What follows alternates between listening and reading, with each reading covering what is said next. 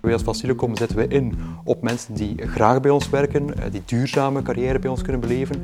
Maar je merkt toch vaak, dat is ook relevant, dat die verloning heel belangrijk is. Dat die mensen het gevoel hebben van kijk, hier weet ik altijd dat ik een zekerheid heb over een correcte salariering. Het systeem van zelfrossing wordt eigenlijk nu al wel gebruikt in de ziekenhuizen en de rust- en verzorgingstehuizen, waar dat eigenlijk werknemers heel flexibel worden ingezet. U luistert naar de HR-magazine podcast. Een bekende journalist interviewt twee experts over een actueel HR-thema. Ze geven hun visie op de toekomst. Uw gastvrouw is Lisbeth Imbo. Welkom in een nieuwe aflevering van Studio HR. En vandaag gaan we het hebben over de payroll, hoe we die future-proof moeten maken. Hoe we zorgen dat het allemaal nog vlotter en nog digitaler kan verlopen. Maar ook met het oog op de vragen van de medewerkers. Hè, van hoe zit dat met mijn uren? Kan je dat eens tonen? Maar ook de vragen natuurlijk van de, de klant die zicht wil hebben op de geleverde prestaties. Daarom bij mij twee mensen die daar veel meer over weten uh, dan ik, uh, Dieter François. Goeiedag, uh, HR Business Partner bij Facilicom Groep Belgium. Facilicom dat herbergt een aantal dienstenbedrijven, zeg maar. Ik denk dat we vandaag misschien vooral gaan hebben over jullie schoonmaakluik en GOM en ook bewaking, security met Trigion. Moederbedrijf in Nederland heeft, dacht ik, 25.000 ja. werkende handen. Hoe zit dat hier in België? We zijn in België ongeveer actief met een 5000, uh, kleine 5000 medewerkers, uh, voornamelijk inderdaad uh, GOM Trigion. Daarnaast hebben we ook nog een Facilicom Solutions, waar we faciliteren experts hebben. En dan Food Eye, dat is onze cateringdivisie. Ja, dus u weet wat gedaan. Ja. Dieter, jij hebt Ilse van Bilzen meegebracht, interim payroll en support manager. Je bent al vier maanden aan de slag bij Facilicom om dus die hele payroll daar future-proof te gaan maken. Waarom is dat zo nodig?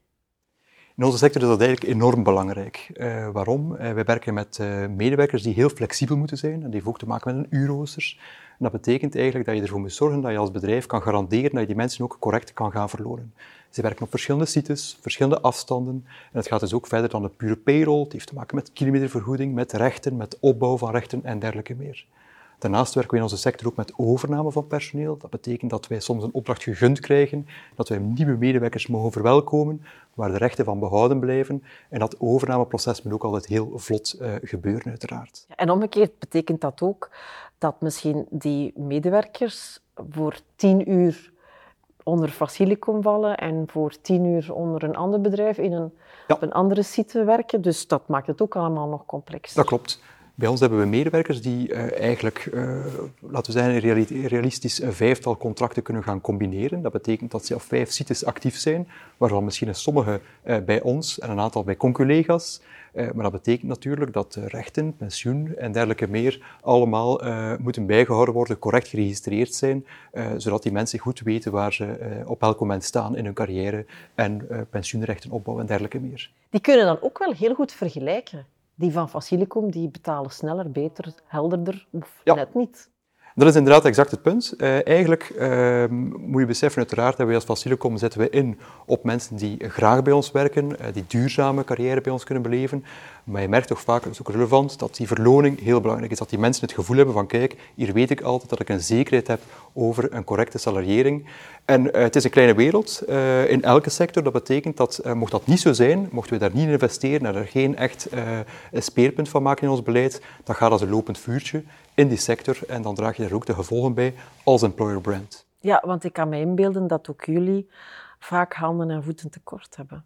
Ja, dat klopt. Uh, zoals iedereen uh, tegenwoordig is het voor ons ook heel belangrijk uh, dat wij eigenlijk ons imago als, als degelijk duurzaam faciliteerbedrijf overeind houden. Dat mensen weten dat wij een betrouwbare partner zijn.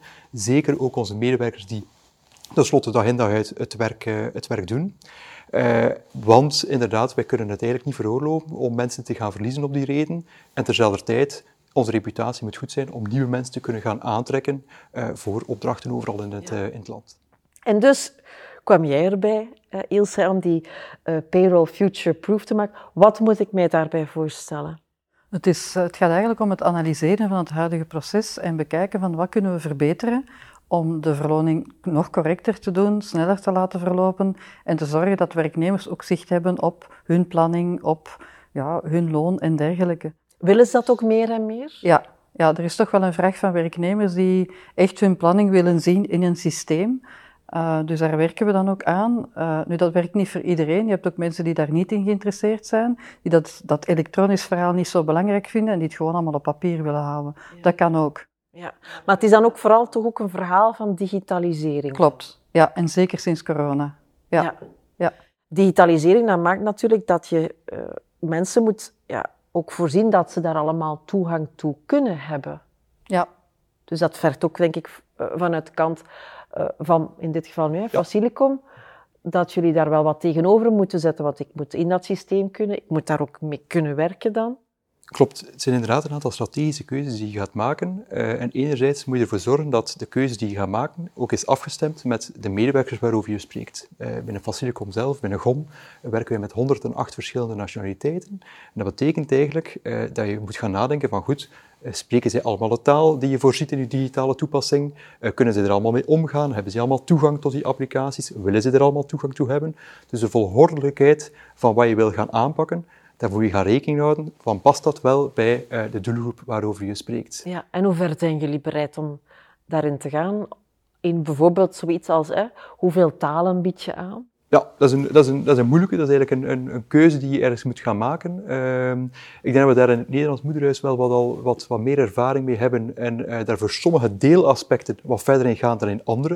Want het gaat er natuurlijk over, ook over vertalingen en dergelijke meer. En soms ben je natuurlijk ook door de wet gebonden uh, dat je verplicht bent om het in één taal eenduidig ah, te, gaan, uh, te gaan aanstellen. Dus daar spelen een aantal factoren waarin je die keuze kunt gaan, uh, gaan maken. Maar 108 verschillende nationaliteiten, laten we zeggen in 60 talen, dat is onhoudbaar of, of niet te doen om dat natuurlijk te doen. Je moet op een gegeven moment een keuze gaan, een keuze gaan maken. Maar inderdaad, de wetgeving is daar ook bepalend in.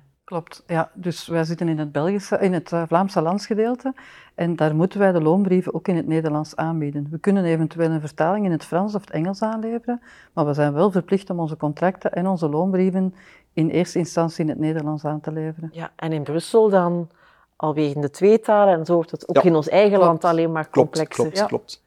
Ja. Je zegt, eh, voor het ene gaan we al wat verder dan voor het andere. Bepaalde dingen geven we in meer talen dan andere. Op basis waarvan beslis je dat? Zijn er dingen die vitaler zijn om dat in je eigen taal te kunnen weten?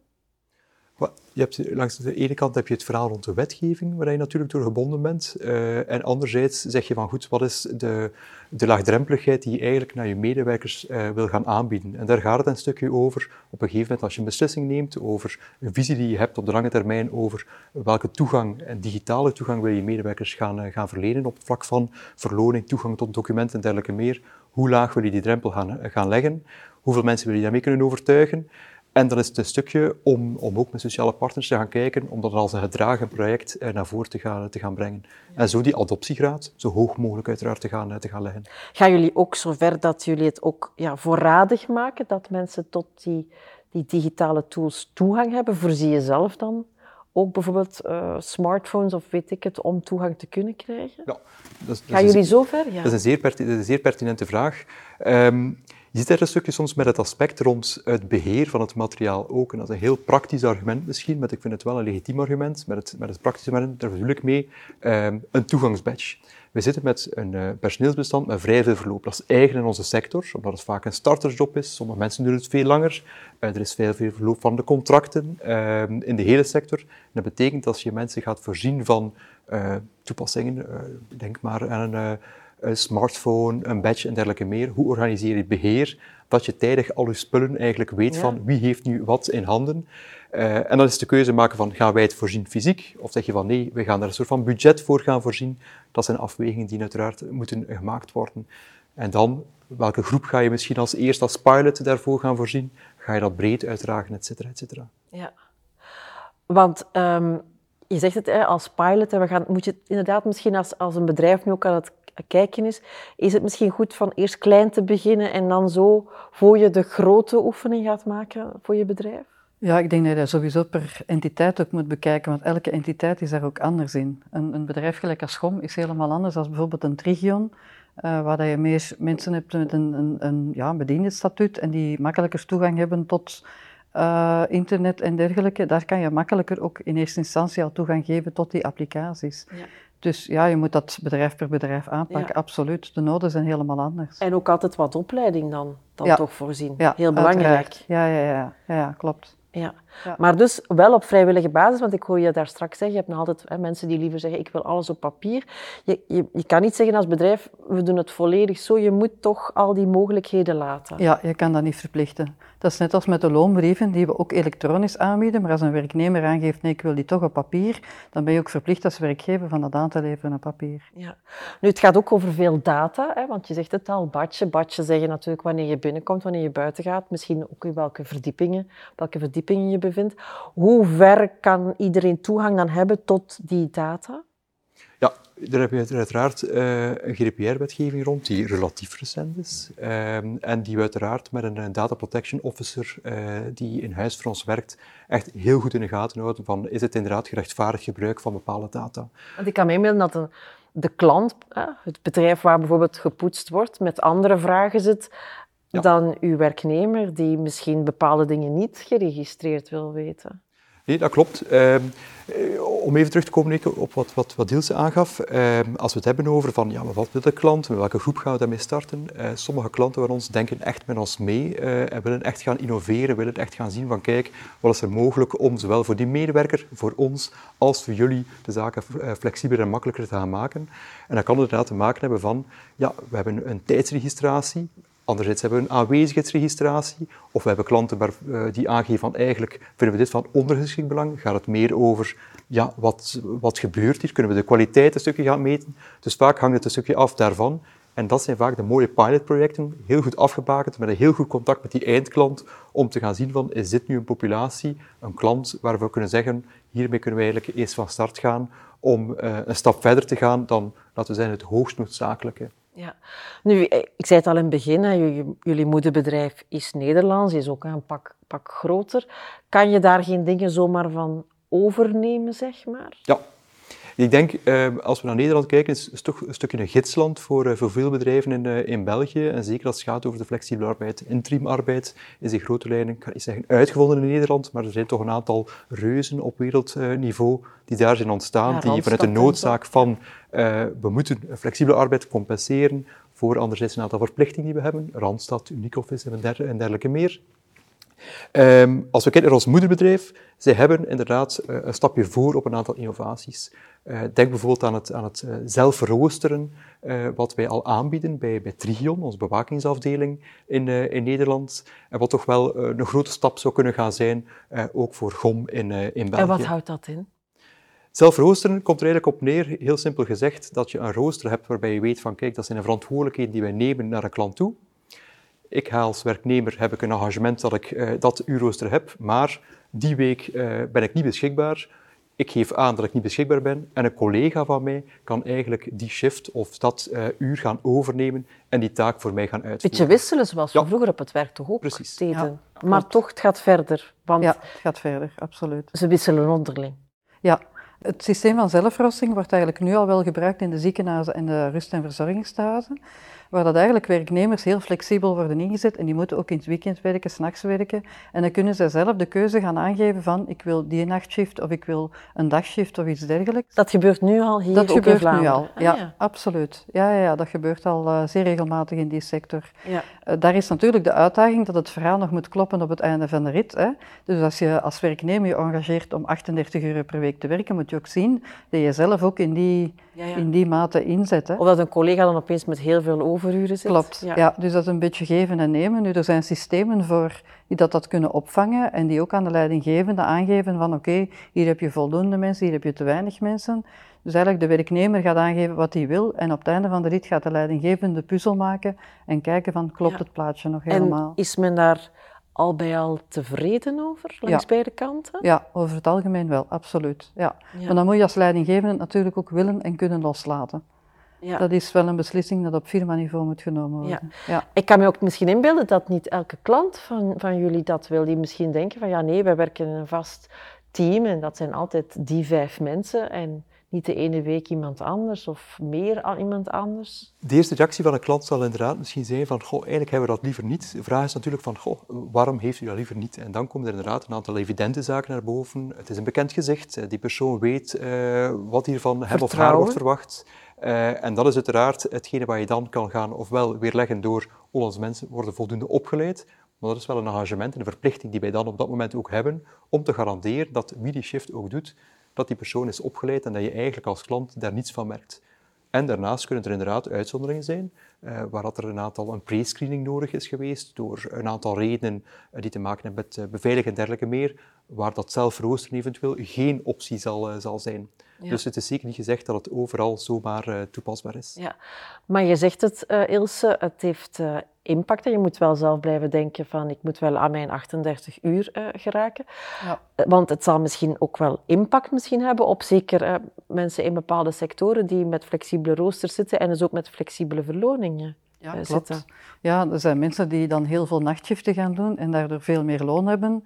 En diegenen die dat niet willen, gaan ook minder loon hebben. Dus het heeft allemaal wel implicaties op je loon. En beseft iedereen dat altijd voldoende? Wat de impact misschien is van twee, drie dagen te gaan wisselen? Binnen die sector waar ik net van sprak, wel, omdat het daar echt wel ingeburgerd is. Maar dat is wel iets wat je moet bewaken en wat je duidelijk moet stellen als je daarmee begint. Dat mensen weten wat de gevolgen zijn van hun beslissing. Ja, ja dat moet je heel goed bekijken. En natuurlijk ook, ja, het, het, woord pas al is gevallen, kilometervergoeding, dat zit ook in dat hele pakket. Dat ja, de ene woont al wat verder dan de andere. Hoe, hoe zorg jij dan dat jouw kostenplaatje ook uh, blijft kloppen? Klopt, uh, in die zin, uh, elke medewerker die uh, moet zich natuurlijk verplaatsen. we hebben een aantal klanten in de haven van Antwerpen, eigenlijk verspreid in Gent, in, in de Kempen, Zuidwest-Vlaanderen. Ehm, ja, als sommige mensen om de hoek wonen en de volgende dag komt er iemand die daar 100 kilometer is voor gaan rijden, dat zal evidente verschil maken qua kostprijs. Misschien is die medewerker daar wel toe bereid. je merkt het als werkgever van, we maken hier meer kosten dan moet uiteraard ook gemonitord worden en daar moeten heldere spelregels voor opgesteld worden, zodat eigenlijk uh, het voor iedereen een win-win blijft natuurlijk. Ja. Ben je er zelf voor gewonnen?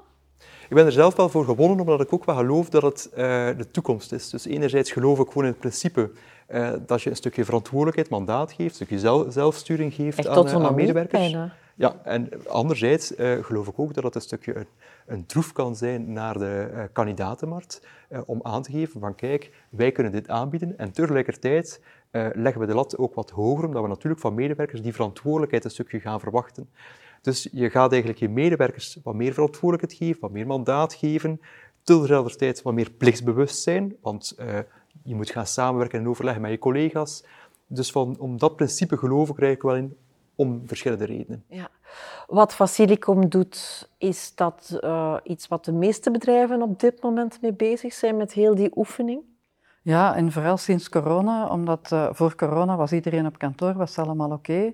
Sinds corona, ja, met, met dat de mensen niet meer op kantoor kwamen, moeten er veel meer systemen geautomatiseerd worden en is iedereen zich daar wel bewust van. Dus de laatste jaren zie je toch wel een tendens dat meer en meer wordt geautomatiseerd en bekeken wordt van kunnen we niet alles in systemen steken eerder dan gewoon op papier dingen blijven doen. Ja. ja. en is het ook inderdaad belangrijk om op, ja, er is arbeidskrapte, om je op die manier te profileren. Speelt dat bij potentiële nieuwe werknemers enigszins mee? Zijn mensen daarmee bezig? Absoluut. Ja, ja, mensen vinden dat belangrijk dat ze de dingen zelf in handen kunnen nemen.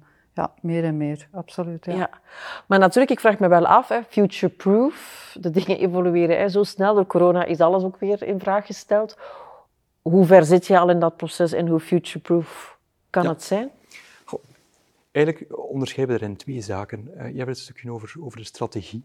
Uh, echt je strategie en je visie die je ontwikkelt. En dan denk je dat de horizon realistisch gezien op een, een vijftal jaar uh, moet liggen. En anderzijds heb je natuurlijk de, de schaalbaarheid en de toepasbaarheid van iets. Van Oké, dat is eh, laten we zeggen, het ideale scenario uh, waar we over vijf jaar staan. Wat zal nu de volgordelijkheid zijn van een zaak?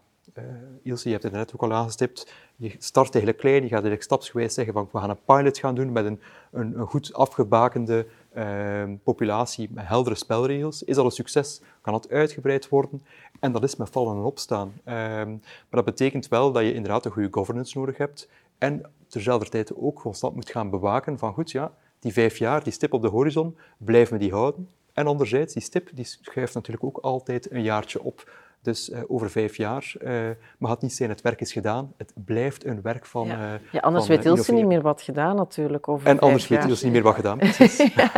ja. het doet mij wel een beetje denken, dat is misschien een stap te ver, maar we kennen natuurlijk allemaal systemen als Uber, waar je wel deel uitmaakt van dat Uber-platform, maar je bijna als individuele uh, chauffeur zelf beslist van ik neem dat traject op, ik neem dat niet op. Omdat je nu over die zelfroostering zit. Is, het, is dat zo een stap in zo'n proces? Ik zie het is, het is, ja, het is, maar ik, in die zin, het is, jij. het, is, het is qua technologie is het herkenbaar natuurlijk. Je hebt het over roosters, dus in die zin het is analoog met een aantal zaken. Anderzijds wil ik toch wel opletten voor uh, de vergelijking te gaan maken, omdat wij werken echt voor klanten waar we al heel lang voor gaan werken, uh, die een aantal verwachtingen hebben. En dat betekent dus dat je uh, echt met een groep daar staat. Uh, je werkt er met een team van medewerkers, met min of meer vaste medewerkers. Het kan niet de bedoeling zijn dat we, laten we zeggen, alles uh, open gaan gooien. Mensen moeten opgeleid worden, dus per definitie werk je met een beperkte club van mensen die dan die vrijheid kan geven. Het zal niet zo zijn, daar geloof ik niet in, dat je, laten we zeggen, uh, aan iedereen uw vacatures openstelt, zelfs ook van mensen die nog niet bij het bedrijf werken. Dus het, het houdt wel het midden tussen. Maar ik wil inderdaad toch wel gaan waken dat we die vergelijking niet helemaal laten opgaan, uh, omdat ik een aantal structurele verschillen zie, uh, waardoor wij anders de kwaliteit niet zouden kunnen gaan waarborgen die we vandaag wel voor, uh, voor staan. Wil jij daar nog iets aan toevoegen? Want jij kijkt natuurlijk niet alleen naar zijn specifieke bedrijf, ja, maar wat, wat ruimer in de markt. Ja. Ja, als je vergelijkt met Uber, dan denk ik eerder ook aan zelfstandigen en aan mensen die echt helemaal zelf beslissen wat en hoe. Terwijl we bij een situatie binnen Facilicom zitten met werknemers, waar je sowieso met een wetgeving zit, ook die je moet volgen, met contracten, met regels. Dus in die zin gaat het niet helemaal op, maar ik vind het wel zeker, uh, ja. ja. Zelf ons dienstrooster samenstellen, wie had dat gedacht? Iets vind ik zelf om ook eens over te gaan nadenken. Alleszins dank je wel allebei hè, om deze aanzet te geven. En u bedankt hè, om alweer helemaal tot het gaatje te volgen. En wie weet, tot de volgende. Dag.